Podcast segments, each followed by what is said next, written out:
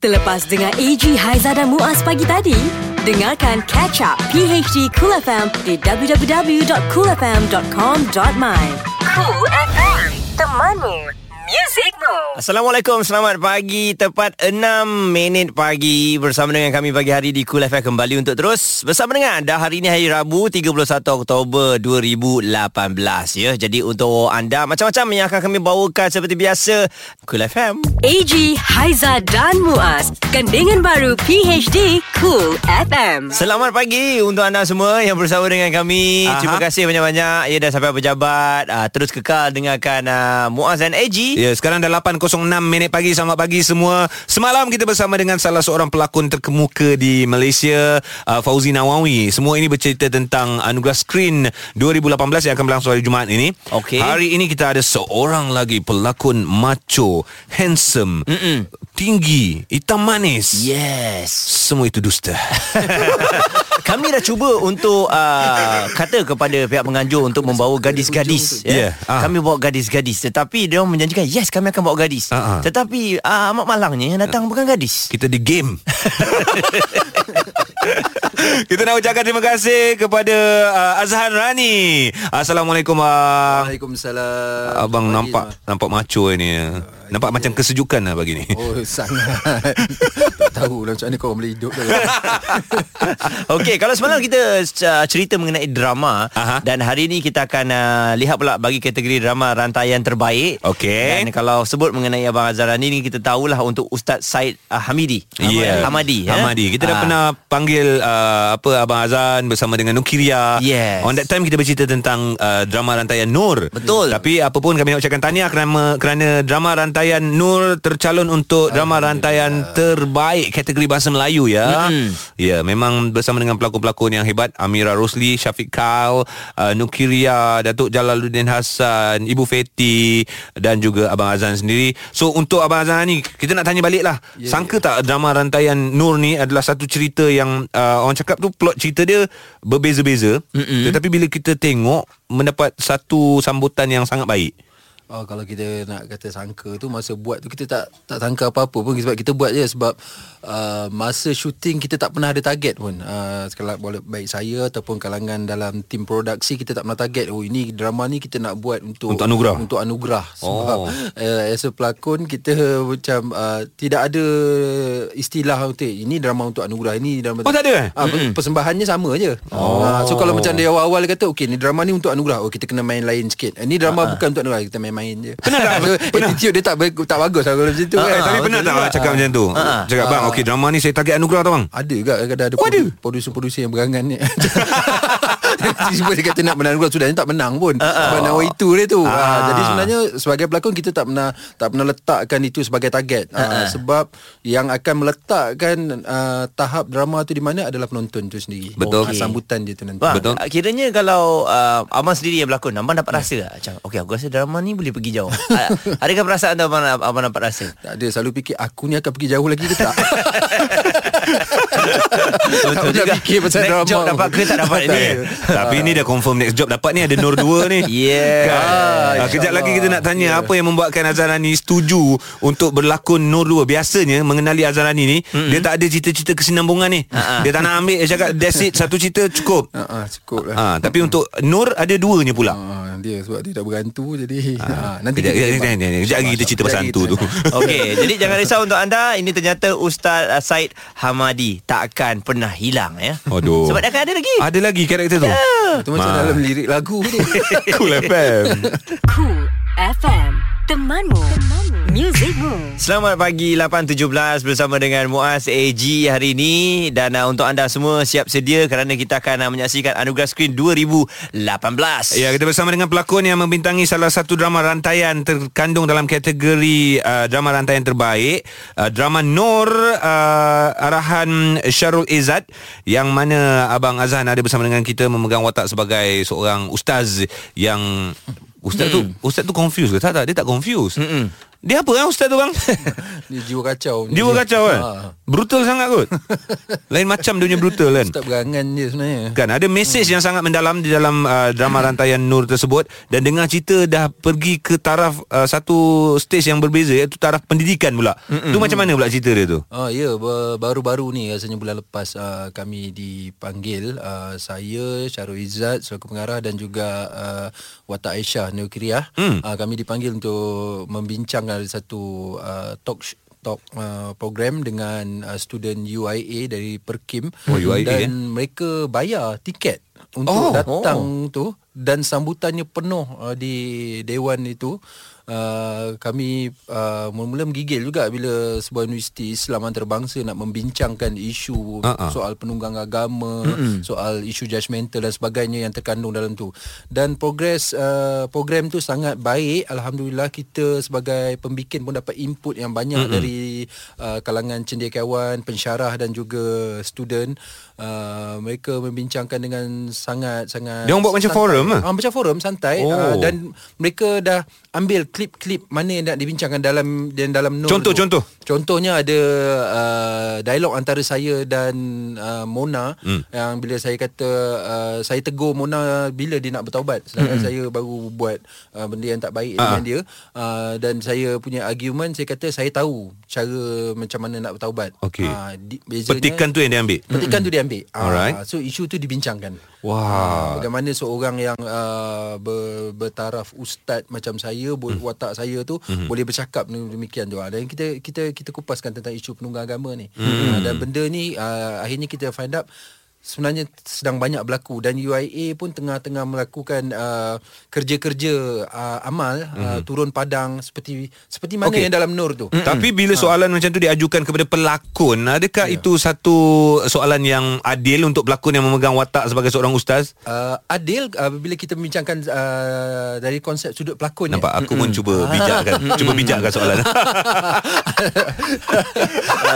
Sebagai pelakon Dalam saya ilmiah bercakap lah. dalam skop uh, Pelakon. pelakon. pelakon. Ah memanglah kita ikut cakap pengarah, ikut cakap skrip dan ah, sebagainya. ah. Uh, tetapi uh, bila kita fikirkan balik uh, dari sudut tanggungjawab terhadap masyarakat. Ah. Uh, bagaimana kita kita bukan nak mengangkat watak penunggang agama tu. Okey. Tapi kita nak kita nak membayangkan atau menzahirkan inilah ketakutan yang patut kita hadapi sekarang ni kan uh, isu orang yang bertopeng-topeng ni macam hari ni kalau buat salah oh besok nak nak counter back balik uh, dia pun pakailah kopiah duduk gambar ambil gambar depan masjid bagilah petikan surah dan sebagainya letak kat Instagram oh budak Terus orang judge dia dah dah, baik, dah baik. Ah, ini isu judgemental yang sangat-sangat uh, berleluasa sekarang ni Dan isu itu ada di dalam drama rantaian Nur itu sendiri. Okey. Wow. Jadi uh, satu perbincangan yang cukup ilmiah Ya, ya, ya. pada sebelah pagi ini. Alhamdulillah. Jadi terima kasih kepada yang datang hari ini eh Ya. untuk perbincangan ini. Kita akan kembali selepas ini eh. Baik, uh, yang pasti subuh saya tadi lagi bagus Ah, ah, balik?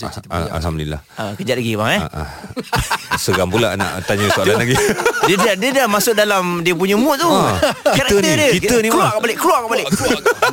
AG, Haiza dan Muaz. Ini PHD Cool FM. Masih ada bunga untuk Nur Jangan risau Ya uh, Ya. Kalau anda yang menantikan uh, Nur 2 uh, Sebelum ni khabar angin Aha. Tapi kita nak tanya dengan Abang Azharani sendiri Adakah ianya benar Akan ada Nur yang kedua Yes, segala persoalan akan terjawab sekarang ini di PHD Cool FM macam kita katakan awal tadi Azan Rani biasanya tak akan sambung cerita-cerita rantaian ni.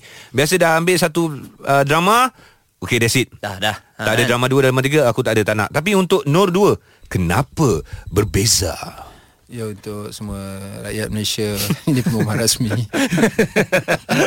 Ya benar Nur 2 akan disambung Akan mulakan penggambaran InsyaAllah uh, Pada penghujung Disember ini nanti Baik. Dan akan habis uh, sekitar uh, awal Mac hmm. Kurang Dan selepas tu uh, Tunggu masa tayangannya di TV3 nanti Ha, ha. Ni yang membuatkan Azan Rani nak berlakon Nur 2 ni. Uh, come on, come on. Kita nak kubah kau tidak nanti masuk bilik gelap PhD kan. Nanti tak. Nanti lagi kena kena soal kawan-kawan nanti. Okey, uh, betul betul kalau ikutkan memang saya tidak berapa gemar untuk disambung-sambung lagi dah mm-hmm. bila dah habis tu biar dia habis. Sebab uh, tetapi uh, atas desakan-desakan dan juga apabila mikirkan kita tak boleh pentingkan diri sendiri. Mm. Uh, kita ada tim, kita ada keluarga dan Yep. kerinduan untuk bersama dengan tim Nur itu sendiri adalah tarikan utama. Ah. Uh, dan juga uh, saya menghargai sokongan dari uh, uh, rakyat jelata yang menonton Nur ni di mana-mana pun sampai sekarang saya masih lagi Dipanggil ustaz? dipanggil uh, ustaz, ustaz, ustaz dan sebagainya.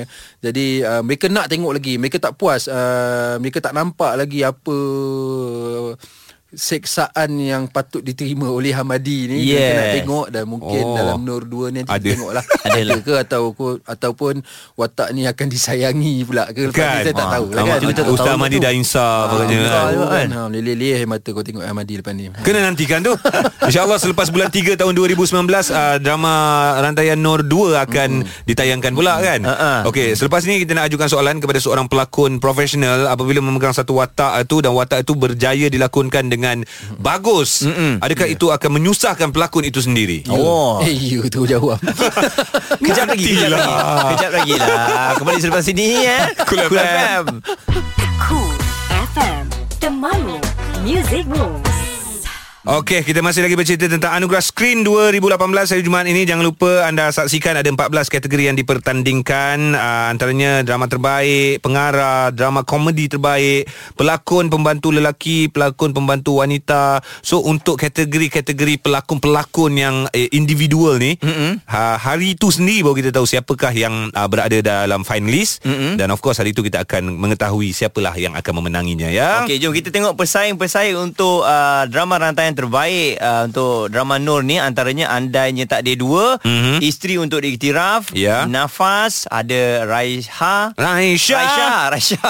Dan Raiha. juga Teratai Kemboja. Ada lebih kurang enam lah. Enam drama rantai yang terbaik. Okey kita berbalik pada cerita seorang pelakon. Dunia sebagai seorang pelakon. Bila diberi satu watak tu Berjaya melakukan watak tersebut dengan baik Berkesan. Orang lain pun panggil Sampaikan panggil nama watak Tak panggil nama sebenar. Adakah akan memberi impak yang baik Ataupun buruk Untuk pelakon tu sendiri Ada baik dan buruk dia. Okey. Uh, baiknya apabila uh, kita rasa uh, kerja kita dihargai, uh, itulah yang uh, setiap pelakon nak sebenarnya. Mm-hmm. Uh, macam saya, saya tidak pernah meletakkan anugerah uh, award mm-hmm. itu sebagai uh, titik nokta. Sama, bang, sama. apa yang saya dapat. Lepas tu aku tak pernah dapat. Sama, sama. Tetapi anugerah tu akan dapat ya. Wah, patutlah. Wah, Wah, patutlah. saya, saya tidak meletakkan Saya tidak meletakkan saya Ah, meletakkan. Tapi tunggu juga Ah, Kalau nak letak letak kat dalam rumah saya. Apa aku nak cakap tadi? Tak pernah meletakkan. Ah, Saya tak pernah meletakkan. Tetapi apabila cerita itu sendiri diterima oleh uh, penonton penonton memperkatakan hmm. uh, tentang watak tentang kita dan mereka happy dengan apa yang kita bagi itulah award dia Hmm. Okey. dan Betul. uh, keberadaan kita untuk uh, di di peringkat seterusnya Baik. itulah adalah anugerah yang sangat-sangat uh, tinggi untuk seorang pelakon Okey, itu baik tapi kenapa ada buruknya bila melakukan watak yang berkesan ni? Okey, kerana kita akan dikongkong oleh nostalgia. Oh. Okey. Ah, Ini masalah uh, pelakon juga apabila dia tak mau lari kadang-kadang kan. Uh-huh. Uh, bila orang dah suka, okey, kita kena buat macam ni saja. Bawa je watak tu. Bila macam yang dia ni dah bawa ustaz, ah saya lah dia ni. Tu. ustaz. Ah, ustaz tu semua orang pun nak nak explo- nak exploitkan dia. Nak maintainkan ustaz Ah, tu je? Ustaz tu je, ustaz je lah. Ah, saya nak keluar daripada watak antagonis, saya rasa daripada mula saya berlakon tu saya perlu saya ambil masa dekat 3 ke 4 tahun. Mm-hmm. Barulah orang nak percaya nak bagi watak komedi, bagi watak yang lain serius dan sebagainya. Mm-mm. Uh, kerana kita distereotipkan oleh fenomena. Baik. Ah, ini masalah dia. Tapi pelakon itu sendiri perlu bijak untuk menangani isu ni. Ta- tapi tak ke memudahkan pelakon tu bila diberikan watak yang sama. Contoh Senang ustaz, je. ustaz kategori A, Dia, kategori B. Uh, dari segi mudah mungkin dia mudah. Ha, Bila ha. dia jahat apa lagi nak main jahat pusing-pusing-pusing uh, recycle-recycle dah jadi. Dapat lah kan, ha. Ah, tetapi dari segi tanggungjawab itu dan dia, dia akan jadi sama ada dua perkara je. Sama ada dia akan jadi terlalu bersungguh-sungguh, Okey. try hard sangat Ataupun dia sambil relax. lewa. Mm-mm. Sambil lewa sebab Ah. ah. watak macam ni aku dah bawa, macam ni aku dah bawa. So dia tidak ada tidak ada lagi study lagi Yeah. ah, That's why saya dengan- pilih watak sebagai seorang doktor. Baru-baru ni yang uh, keluar 8 saat. Tak lama lagi. Yes. Ah, Ada orang dah tengok ya. Mati tu kau doktor. Baik. Baik, uh, kejap lagi kita akan kembali semula untuk anda uh, dan uh, bila terlampau bawa selesa sangat kadang-kadang kita takut sendu jadi. Ya, Ah. selesa Ah, tu eh? membunuh. Ah, Dia- yes. itu uh, itu sedawa eh. Sedawa uh, Ni sen, sendu yang Itu petikan scene bawa doktor tadi Watak doktor tadi Cool FM. Ini PHD Cool FM. Bersama mendengarkan PHD Cool FM Tiga jejaka um, Um, Tam-tam. not so bad. Not, uh, Okay lah. Okey okay lah. Sebab ada orang yang uh, WhatsApp katanya ha. eh, Haizal Haizal WhatsApp. Ha. Dia kata Bagus dia orang bertiga ni. Ya. Dia dengar eh. Dia dengar sebab ada Abang Azhar Rani je Ah, Come on lah. aku dak dikduk.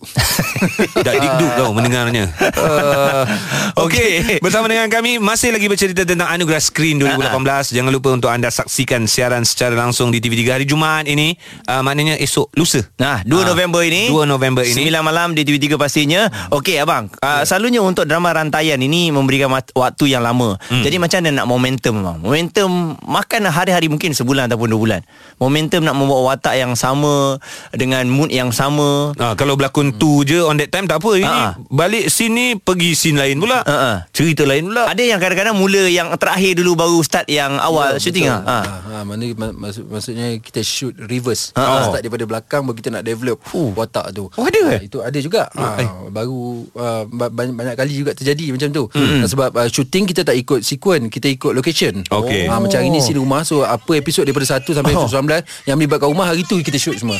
Eh. Ha. Eh, siapa ni? Eh, eh, eh. Ibu buat live pula. Orang tengah. Orang tengah live Uh, Okey, dah, dah, dah, dah, dah. Bye. Dia tak penting Dia, dia tak penting Ma- Maafkan kami Gangguan wanita tersebut Okey, Ha, okay, kedu teruskan. Sekejap. Ha. Aku cakap apa tadi aku dah lupa dah. Ah, Macam Aku pun lupa juga Pasal dia punya Oh ni pasal lah nak maintain pasal watak set. tadi Ah, ah. ah, Pasal nak maintain watak tu ah, Begitulah cara dia Yelah Maksudnya kalau dekat drama kat rumah Dia buat rumah dulu ah, Ni kita buat rumah dulu. kacau dia ni. Dia ni entity rumah, lah. rumah dulu Kalau kata sekolah Sekolah pula ah, Ah, dia ah. Macam tu ah, Kita tak boleh buat sekali jalan Ah, betul, ya. Sebab tu Development tu ah, Kita ada bahagian continuity Dengan juga director Yang akan tentukan Dia dia, dia akan Oh, dia akan guide. Dia akan guide kita Ah, ah. Okay Ah. Azan t- Ni scene sebelum ni Kau macam ni sebenarnya Jadi mood ni kau bawa di sini Oh. Dan itu kita perlukan seorang director yang baik Yes. Tak ada pelakon yang baik Tanpa director yang baik Betul. Setuju. Ah. Susah kan Jadi berlakon, eh. apabila Abang Azhar ni kata Director yang baik Berkemungkinan besar Drama rantaian ini Akan menggondol Yes. Anugerah. Drama Rantaian Terbaik 2018 Good luck untuk Izzat Dan juga Radius One Yes, Yes. Jadi apa pun terima kasih sekali lagi kepada Abang Zarani kerana bersama dengan kami. Ya, yeah. uh, sudi meluangkan waktu untuk kongsikan mengenai Nur. Jadi kepada anda memang nasah Nur mm-hmm. 2 akan kembali. Jadi Ya. siap sedia okey? Dan- Terima kasih juga untuk QFM Sebab tak jemu manggil saya Ah, tak jemu lah. Sebenarnya Usia kita dah- kan lebih dah kurang. start- Dah start ada lah Dua-dua tapi nanti kena panggil lagi dah start apa Ji? Dah start apa? Dah start ada jemu tu Tapi Kena panggil lah Okay bang terima kasih banyak uh, Tak apa Tak apa uh, Rasa nak balik-balik lah Biasa sambung Jangan ke mana terus bersama kami. Cool FM Cool FM. Temanmu. Music Room. Okey sekarang 7.53 minit pagi Jom kita dengar apa yang ada dalam 5 yang trending dalam PHD Cool FM hari ini. Baik Alright. Kita mulakan dengan nombor 5. Ini agak menyeramkan ya tragedi yang berlaku di Brazil apabila seorang pemain bola sepak profesional ditemui mati dalam beluka dengan kepalanya nyaris putus. Uh, polis berkata Daniel Correa nama dia berusia 24 tahun dibunuh dengan kejam dalam keadaan yang amat mengerikan dan mayat pemain tengah Sao Paulo di Brazil itu ditemui oleh orang awam yang melalui kawasan itu di di di São José dos Pinhais di wilayah Curitiba. Menurut media tempatan, mangsa kemungkinan diseksa hingga mati. 4. Okey, ini kisah usahawan barang kemas belian yang kaya raya. Wow. Ah, ini di India ya. Ah, dia ni memang ah, terkenal. Savji Dahlokia. Hmm. Ya, dia ni memberi bonus mewah kepada pekerja-pekerjanya mm-hmm. kerana membuat kejutan menghadiahkan ratusan buah kereta Wow. kepada stafnya sempena sambutan di Bali. Oh. Jadi dia hadiahkan uh, beberapa jenis kenderaan dan uh, juga ribuan lagi dihadiahkan wang tunai dan juga apartmen. Mak ai kereta je ada 600. Wang tunai lagi apartmen oh kaya Kayanya Eh Kaya. bagus bos macam ni Ini dikatakan dikongsikan Bos. Kemewahan eh Bos dengar bos. Ha. Bos jadikan dia contoh bos. Boleh bos Tiga. Saya besar-besar lah motor Nah, ni, bos. Come on, bos. Harga baru perkhidmatan gas ke rumah. Ni gas Petronas ya. Petros Petronas Dagangan Berhad mengumumkan harga baru bagi perkhidmatan gas Petronas ke rumah iaitu RM31 untuk 12 kg dan RM35 bagi 14 kg. Maknanya ni perkhidmatan yang ke rumah lah kita call gas datang rumah itu harga dia eh. Makcik eh RM31 untuk 12 kg, 35 untuk 14 kg makcik. Harga lama bagi perkhidmatan itu adalah RM26 untuk 12 kg dan RM29.80 untuk 14 kg. Acik jangan terkejut ya cik. Harga Apa naik. hal lain? Kau ni Dol selalu hantar lain je. Minggu lepas bukan ni harga dia. Kau jangan tipu makcik. Tak. Ah, Memang makcik. dah naik harga makcik. Dua. Dua-dua jadi makcik. Okey, uh, kisah mengenai uh, Parker Solar Probe. Ya, ini satelit Siapa? Uh, satelit milik NASA. Sama makcik duduk oh. dia ni. Uh, dia telah dilaporkan berjaya menghampiri matahari pada jarak yang belum pernah dicapai tu. oleh mana-mana alat ciptaan manusia sebelum ini eh. Ha. Jadi uh, Parker direkodkan berjaya mengatasi jarak 42.8 juta kilometer daripada matahari yang Siapa? dicatatkan oleh satelit milik NASA terdahululah Helio, Helio. Oh, 2. Leo, Leo. Ya, yeah, yang dicatatkan pada 1976 ya. Oh, wow. Ha, jadi yang uh, Parker ni kali ini le- lebih rapat dengan matahari lah. Parker? Ha ah. Siapa? Dia, dia, benda ni lah yang nak meng, ah Satu. kacau macam ni ah. Cerita lah. Acik ni ada anak anggota polis, anggota ha. tentera. Dia call acik, dia cakap Siapa?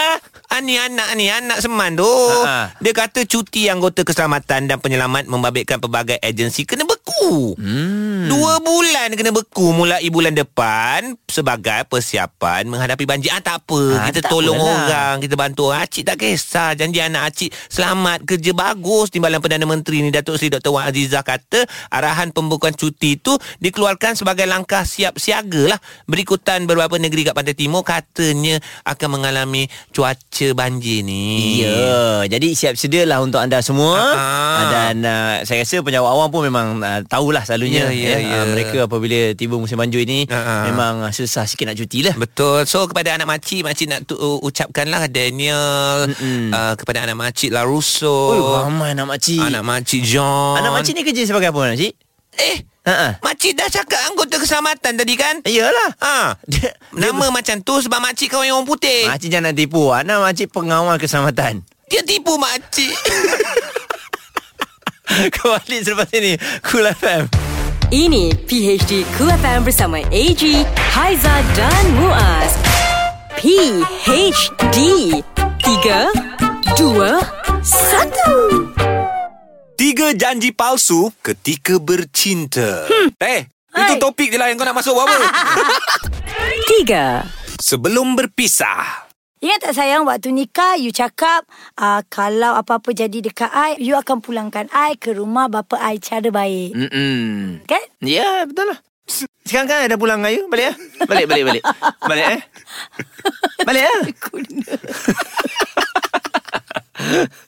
You cakap apa lagi ni? Dia cakap apa lagi ni Kita kena break Kan ada grab depan tu ambil lah Kenapa dia kat sini lagi ni? Ha, kenapa kat sini? Engkau sabar.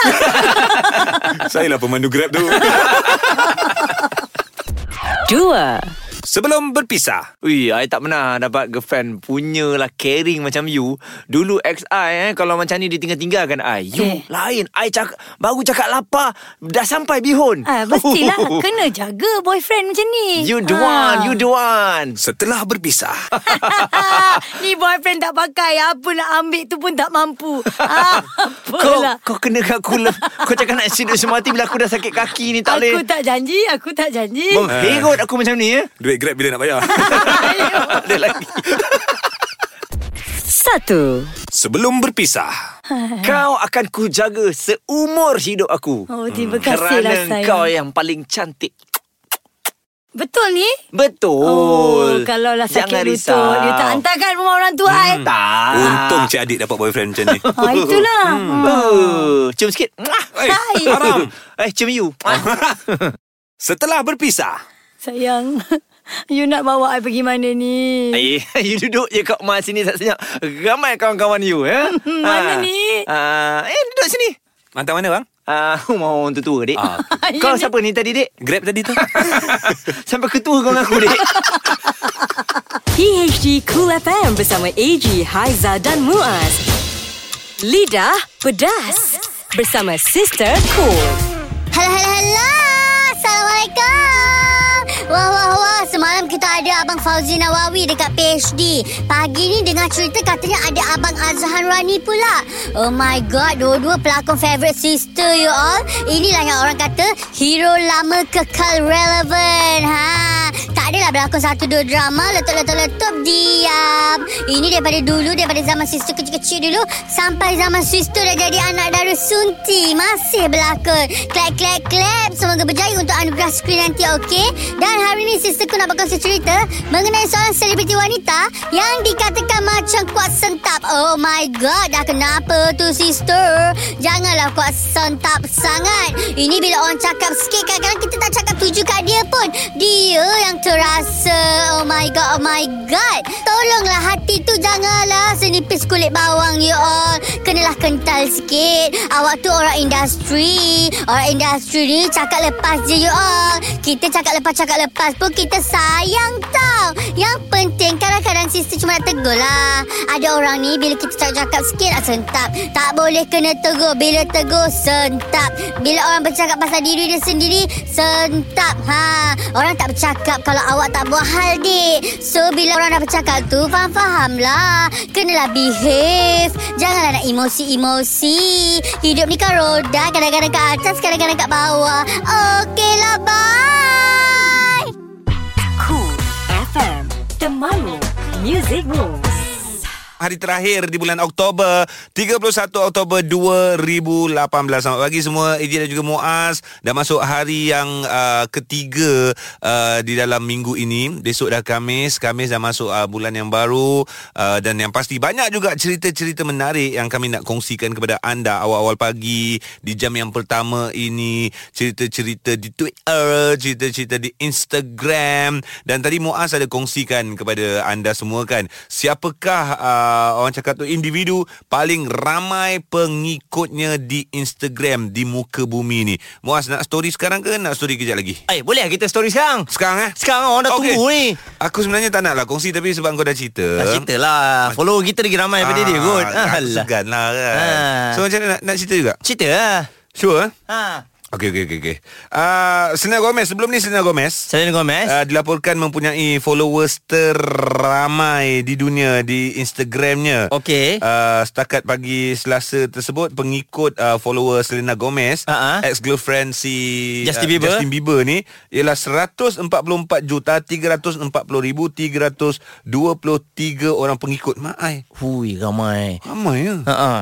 Macam mana dia nak reply semua? Dia tak reply. Hai Selena. Dia, dia, dia memang tak sekali post uh, jarang lah untuk dia reply. Oh jarang eh? Ha. Kalau dia Tapi- reply ha. uh, itu Selena Gomez. Ha-ha. Yang berjaya beat Selena Gomez ni tak lain tak bukan uh, seorang jejaka yang bernama Abang Do. Oh. Abang Do, Abang Do. Yes. Siapa lagi kalau bukan Ronaldo. Yes, Cristiano Ronaldo berjaya mengatasi uh, pengikut yang paling ramai daripada Selena Gomez Ha-ha. dan sekarang dia dah menjadi uh, Guinness World Book of Record lah. Okey. Boleh masuk lah uh, followers uh, Cristiano Ronaldo aku antara pengikutnya. Ha-ha. 144 juta 390 ribu 70 ringgit. Eh 70 ringgit 70 orang Ha-ha. Setakat pagi Selasa Setakat pagi semalam Kalau tengok sama je 144 juta. Ha. Tapi yang membezakannya adalah lebih kurang dalam 49 ribu follower yang lain. Yes. Ha. 390 ribu 70 orang untuk Cristiano Ronaldo 309 340 ribu 323 pengikut.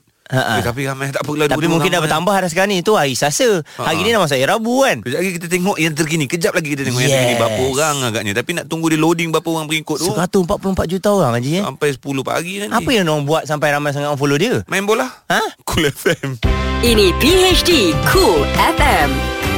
Selamat pagi anda yang bersarapan secangkir madu di ketiga ini mendengarkan kami pagi hari di Cool FM. Alright, uh, untuk anda semua sambil tengah nak sarapan pagi tu kan, Mhm. minum-minum tu kan. Ya. Ini ada cerita viral semalam berlaku di Washington. Okey. Uh, ini kering, nama je kering sebab apa? Nama mamat tu kering kat Washington. Tak, dia kering Dia kering kenapa? dan dia pesalah juga.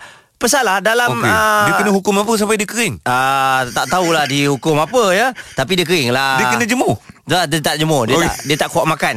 Dia tak kuat makan. Jadi uh, dia melarikan diri dari mahkamah ni menjadi viral lah. Aha. Dan uh, cubaan untuk melarikan diri uh, apabila dua orang ni dia tengah bicara tiba-tiba mungkin dia dapat kekuatan. Ah. Inilah masanya untuk kita lari. Wah. Jadi dia lari dengan bergari Lari untuk dari dalam kandang Yes. ketika bercara di mahkamah. Yes Hebat. Dia keluar ikut tangga apa semua Tetapi Dia lupa ya Ada seorang uh, Peguam ni Lawyer ni Aha. Yang uh, Eh Hakim sebenarnya. Hakim Hakim Hakim. Hakim tengah bicarakan dia orang. Yes Hakim yang uh, telah pun mengejar Dia dua ni. Dapat kan seorang. Salah seorangnya dapat Salah seorangnya terlepas Tetapi akhirnya polis dapat tangkap juga. Yelah masa dia lari tu memang tangan dia bergari. Dia buka pintu segala bagai Pintu kecemasan tu semua dalam keadaan tangan bergari. Ha-ha. Time dia lari tu tergolek-golek. Tapi itulah uh, yang menjadi keheranan Di mahkamah tu sendiri pa, pa, apa Pegawai keselamatan tak tak ada. Yes Itu yang dia confident untuk lari tu. Mungkin dia punya kesalahan ni Kesalahan bukan yang besar. Ah, Mungkin yelah, kan yelah, yelah. Betul tak Betul Logiknya juga. kalau tidak Mesti ada polis kat belakang kan? Tapi kalau bukan kesalahan besar pun Dekat luar negara dah digari ya. Yes. Mungkin speed trap ke? Ah, mungkin juga. ah, Minum cindol orang ke? Mungkin lah kita Mungkin tak tahu. juga. Langgar kita orang ke? Langgar kita orang ke? Tapi anda cuba lari Dengan tanda uh, tangan anda, anda bergari. Macam aku pula salah. Jangan tangkap saya Jangan tangkap saya. Okay, kejap lagi kita cuba. Ha-ha. uh, Garing kau Lepas tu kau lari boleh? Eh susah. Kita tengok dekat uh, live FB Susah. Nanti kita buat Kita buat. Kau buat kau buat? Ay, Kita sama-sama lah Kan dua orang penjenayah Aduh. Ah, kita punya kita punya Producer. producer jadi uh, ni Hakim. juri ah, Hakim. Dia pun muka macam Hakim. Jangan buat hal ya. Jangan jadikan itu sebagai satu contoh. Memang tak betul Mengarut lah tu ya. Tapi berlaku kat luar negara. Cool FM Temanmu. Music Room PhD Cool FM Okey dan Misha Omar juga merupakan seorang uh, pelakon dan juga penyanyi. Betul Ah, jadi kat Malaysia ni bukan Misha Omar je yang ada kerjaya sebegitu. Eh ramai Ramai. Majoriti penyanyi Pelakon adalah penyanyi Eh tak majoriti jugalah Okey. Mengikut badat dah Badat lah bakat Okey, ada orang kata Ah. kalau uh, penyanyi nak jadi pelakon senang. Penyanyi Okey Okey Tapi kalau pelakon nak jadi penyanyi susah. Betul juga Ha kan? Betul juga Sebab berlakon Semua orang boleh berlakon Tapi Betul. untuk menjadi pelakon Yang berkualiti pun Susah, Susah juga, juga, ha, ha. Ah, Boleh cuba Semua orang boleh cuba berlakon Yes. Ah. Tapi pe- menyanyi pun sama juga. Ah. Nak menyanyi semua boleh nyanyi. Betul. Tapi yang sedapnya Eh ah. tapi zaman sekarang Muaz Yang tak sedap pun Boleh jadi penyanyi Yes, ya. Yang Ah, penting ada, popular lah. Ada tiga empat single lah oh, Boleh Oh, joget sana joget dahsyat. sini Oh hebat Oh, joget eh? Yelah di, di, Ditambah dengan joget lah Yalah, dia ada kelebihan Ah, joget. okey. Macam tu lah Eh, kadang-kadang. tapi sebenarnya kita nak cerita pasal Carta Super Cool lah Okey. Ah, Carta super, cool. kita temanya itulah dia, Ah. penyanyi dan juga pelakon. Oh Ah, jadi kalau kita listkan ada ramai antaranya Datuk Jamal Abdillah. Betul Penyanyi dan juga pelakon. Era Fazira Yes. Ziana Zain Awi. Awi Sebab lagu ni ada kejap lagi Ha-ha. So anda boleh mengundi untuk carta super cool Di www.coolfm.com.my Sampai hari Kamis ni okey, undian akan ditutup. Cool FM Ini PHD Cool FM bersama AG, Haiza dan Muaz. Selamat pagi untuk anda yang uh, diambang nak memilih kasut apa untuk pergi ke tempat kerja. Oh ya Yes. Alah, Pakai je kasut semalam Kasut hitam paling senang Untuk kita sesuaikan dengan Ataupun kita padankan dengan apa-apa saja pakaian ya Ah, ah, jadi apa pun untuk anda semua kalau kasut anda tu beratus ribu mungkin. Aha. Ah, selalu keluarkan duit yang berpuluh ribu setiap hari. Ooh. Sebab yelah ada rezeki lebih apa salahnya kan? Uh, tapi sebelum ini Kalau berpuluh ribu Selagi belum lima puluh ribu Ha-ha. uh, Tak apa Keluar cash. Boleh keluar Boleh buat transaksi Tanpa nak laporkan Kepada sesiapa sahaja Okey. Tapi kalau lebih RM50,000 saja Nak kena laporkan Kepada BNM Mm-mm. Ataupun Bank Negara Malaysia Betul. Itu sebelum ni Yes. Tapi sekarang Mulai tahun 2019 Ha-ha. Yang uh, sudah pun dikuatkuasakan Oleh uh, Gubernur Bank Negara Okey. Iaitu Datuk Nur Syamsiah Muhammad Yunus Katanya Kalau nak buat transaksi uh, Duit yang banyak Ha-ha. Bernilai RM25,000 Okey. Dah kena buat laporan Kepada Bank Negara Malaysia ya Oh no. Sebelum ni RM50,000 Okey baru buat laporan Tapi sekarang Separuh daripada harga tersebut Dah kena buat laporan ya Okey ni uh, bagi mengekang jenayah yang melibatkan wang yang banyak lah. Ah. Ah. kan kadang-kadang ada orang keluar duit uh, takut tipu dan sebagainya. Betul betul betul betul Kan. Uh, jadi kita fikir yang positif lah eh. Ya, sebab beliau juga uh, menyarankan agar semua pihak memainkan peranan jika benar-benar mahu menangani jenayah keuangan khususnya Oh. di dalam negara kita Malaysia. Hari-hari keluar RM25,000 eh. Eh dahsyat ha? Bisnes lah Ni bisnes lah Kita Bisnes, fikir bisnes, bisnes, lah. bisnes, bisnes. Ha, Tahniah, ha. tahniah lah, tahniah lah. Tahniah lah Boleh keluar RM25,000 ya. kita, kita 250 pun Ha, pening. Aduh Laporkan Eh, Kita RM250,000 Kena buat laporan juga Kena.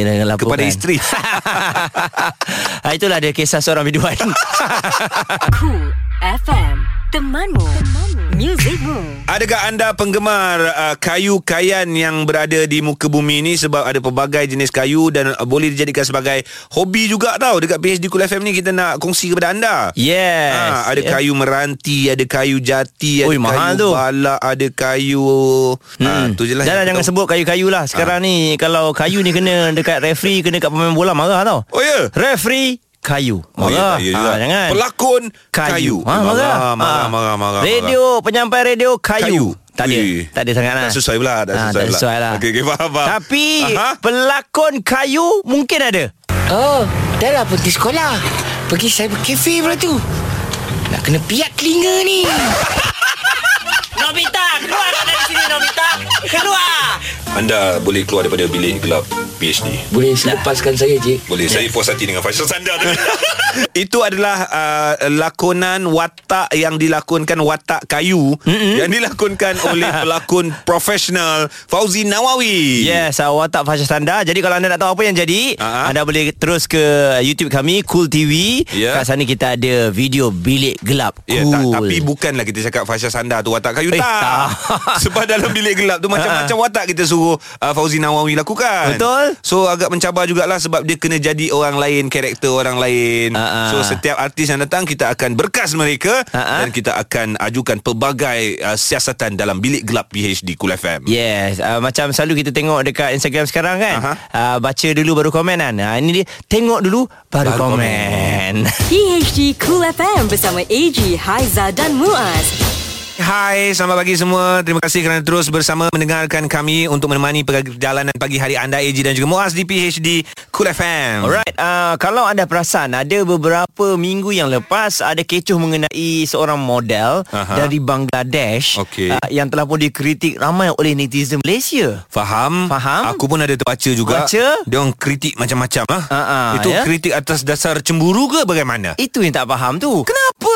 Tapi setelah dicari-cari Ha. Saya pun duk tengoklah Ramzan Miah ni Aha. Sebenarnya dia telah mencipta nama tau Sejarah juga untuk lelaki pertama Berketurunan Bangladesh Yang tampil di London Fashion Week Pada bulan September yang lepas Okey. Ha, jadi dia ni berkecimpung dalam pemodelan ni umur dia sejak 17 tahun lah. Ah. Jadi baru-baru ni je lah dia dapat uh, apa peluang untuk beraksi di pentas yang hebat ni. Yep, yep, betul. Jadi um, ya walaupun muka dia memang lah Keturunan Bangladesh. Muka begitu. Ah. Tapi orang Malaysia dia tak dapat terima. Aku tak dia faham, kata ah. macam alah kalau muka macam ni kat Malaysia pun banyak. Memanglah kat Malaysia banyak dah dia Bangladesh. Dah satu, dah satu memang rezeki, satu rezeki dia. Kenapa Ha. kau nak petikaikan rezeki dia? Alah. Dua kalau kau kalau kita ni uh, umat Islam mengutuk kejadian Tuhan ni uh, satu Salah perkara yang kan? salah. Tak baik lah. Tak baik, berdosa. So Ha, kau ha. orang tanggunglah sendiri. Hello adik manis. Kan Ha. Banyak dah terjadi netizen-netizen Yang yang kecam orang Yang suka tidak kecam orang Sampai kat Eliana pun sekarang tak nak maafkan Betul. Kau merangkak lah cari dia nanti kan Mm-mm. So